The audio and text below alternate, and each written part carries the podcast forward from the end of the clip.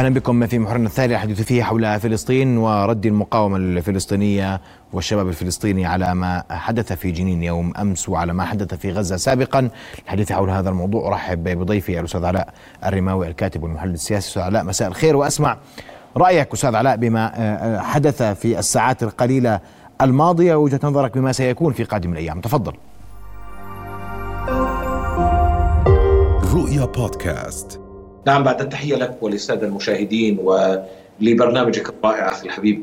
إيه، بلا شك أن الضفة الغربية على مرجل يغلي نحن أمام عمليات نوعية في اليومين الماضيين. اجتياح جنين كان يوم أمس بكل المعايير عندما قدمت المقاومة أداء فلسطينيا غير مسبوق في الضفة الغربية منذ انتفاضة الأقصى، نحن نتحدث عن نوعية في الأداء ونوعية في الخسائر الإسرائيلية واليوم ضاعف ذلك قيام مجموعه من كتائب القسام الجناح العسكري لحركة حماس القيام بعملية كبيرة وصفت في الإعلام الإسرائيلي جعلت الحكومة الإسرائيلية تجتمع مرتين اليوم والآن هناك اجتماع للمطبخ الأمن المصغر على الأقل اتخاذ خطوة الذي جرى اليوم بكل المعايير مجموعة عسكرية غير تقليدية وصلت إلى منطقة تحصين عالي بالقرب من مدينة رام الله. قامت بالاشتباك مع مجموعة من المستوطنين. دخلت إلى عمق أحد المطاعم الإسرائيلية.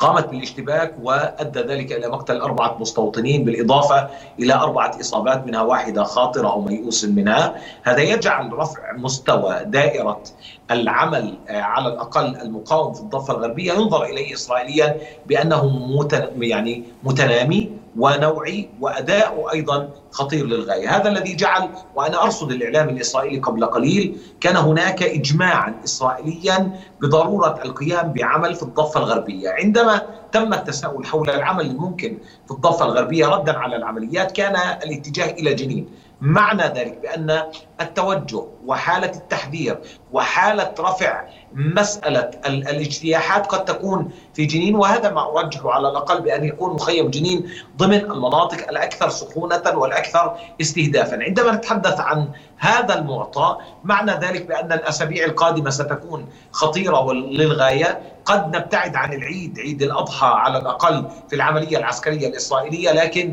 نحن أمام أيام قد تكون وترسم خارطة الطريق إلى هذا الاتجاه، البعد الآخر بتقديري وهو سؤال مهم الذي سألت حول تبني كتائب القسام للعملية. قد يذهب الاحتلال إلى عملية اغتيال ما وهذا الموضوع غير مؤجل برأيي بمعنى بأن الاحتلال يبحث عن عنوان لعملية الاغتيال واسم الشيخ صالح العروري على سبيل المثال يحضر بقوة في وسائل الإعلام الإسرائيلية. هذا الاسم الذي يسند إليه بأنه وراء عمليات التنفيذ في الضفة الغربية وراء عملية إطلاق الصواريخ من لبنان وهذا يجعل أيضا دوائر التحرك الإسرائيلي برأيي واسعة. لماذا نتنياهو سيضطر للذهاب لعملية عسكرية؟ استطلاعات الرأي الآن تهبط بنتنياهو بشكل جوهري. الفشل يشار إلى حكومة اليمين الإسرائيلي. اليوم قبل قليل كان هناك تصريح لابن كبير بضرورة الخروج ودعا الحكومة عبر الإعلام بضرورة الخروج في عملية عسكرية في الضفة الأمر الذي جعل نتنياهو يطلب منه عدم التصريح بهذه الطريقة.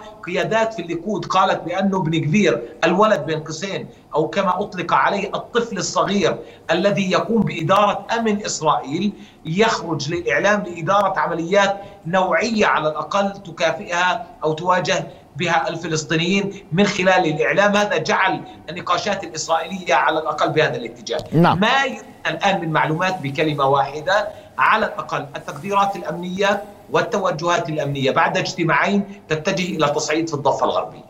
أشكرك كل الشكر أستاذ علاء الرماوي وأنتقل إلى الميدان مباشرة مع مراسلنا حافظ أبو صبرة. حافظ الكلمة لك الوضع ميدانيا ما بعد عملية رام الله نابلس.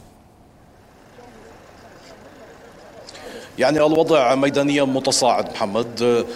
الأمور في اتجاهها على ما يبدو إلى تصاعد كبير سيما في محيط مدينة نابلس شمال الضفة الغربية. أتواجد الآن في حاجز بيت فوريك هذه البلدة الواقعة إلى الشرق من مدينة نابلس والأمور كارثية جدا منذ الرابعة ونصف منذ حدثت عملية إطلاق النار قرب مستوطنة عيلي على الطريق بين نابلس ورام الله المواطنون محتجزون هنا على الحاجز. موكب كبير من السيارات الفلسطينية يمتد من هذا الحاجز على امتداد أكثر من خمسة كيلومتر وصولا إلى داخل مدينة نابلس والحال هنا يشابه الحال في كل المداخل المحيطة في مدينة نابلس. حواجز عسكرية تنكل بالمواطنين. في المقابل هناك مستوطنين يتظاهرون على الجهة الخارجية من الحاجز.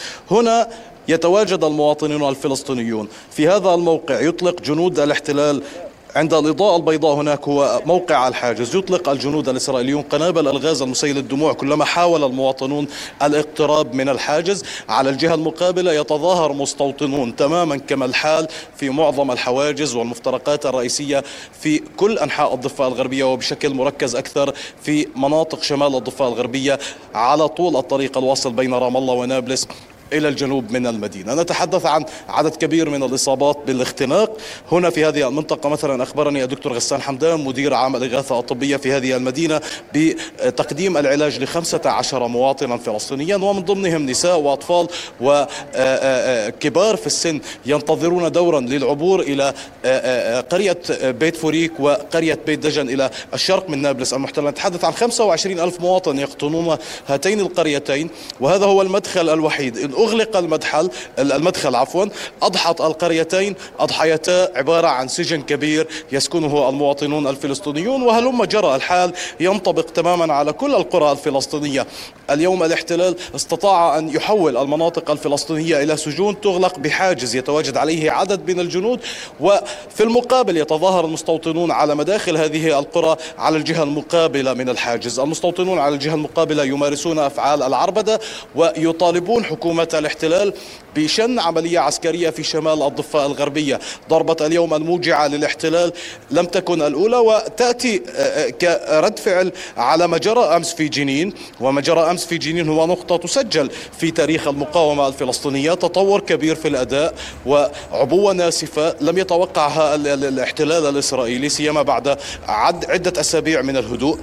وكانوا يتوقعون أن كتيبة جنين انتهت. في المقابل خرجت كتيبة جنين تفجر هذه العبوة الناسفة. هنا إطلاق لقنابل الغاز المسيل للدموع. محمد صوبنا صوب المواطنين مركبات الإسعاف.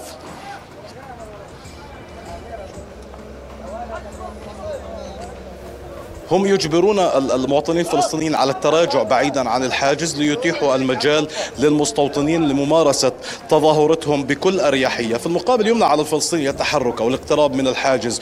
هناك يتم حماية المستوطنين.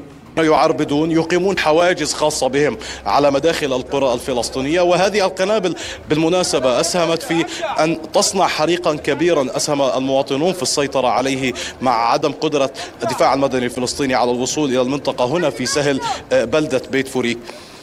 نعم. الأوضاع متوترة هنا وأيضا متوترة بشكل أكبر محمد في بلدة حوارة جنوب نابلس حوارة التي تعرضت للمحرقة مع نهاية شباط الماضي تتعرق تتعرض اليوم لإحراق منزل ومركبة في آه، منطقة سهل حوارة واعتداء على مركبة إسعاف وإحراقها بفعل قنابل الغاز التي أطلقها الجنود هنا يتزامن الفعل للمستوطنين والجنود بالاعتداء وهذا يعني أنه آه، لا يعتدي المستوطنون على الفلسطينيين بحماية جنود الاحتلال بل يحدث الأمر بالشراكة وهذا بدأ يتجلى بشكل كبير أمام صورة نعم. الإعلام خلال الشهور الأخيرة منذ مطلع العام الجاري نعم نعم السلام لكم دائما حافظ في تغطية الأحداث في فلسطين المحتلة. كل الشكر لك حافظ أبو صبرة كنت معنا من نابلس المحتلة. شكرا جزيلا لك.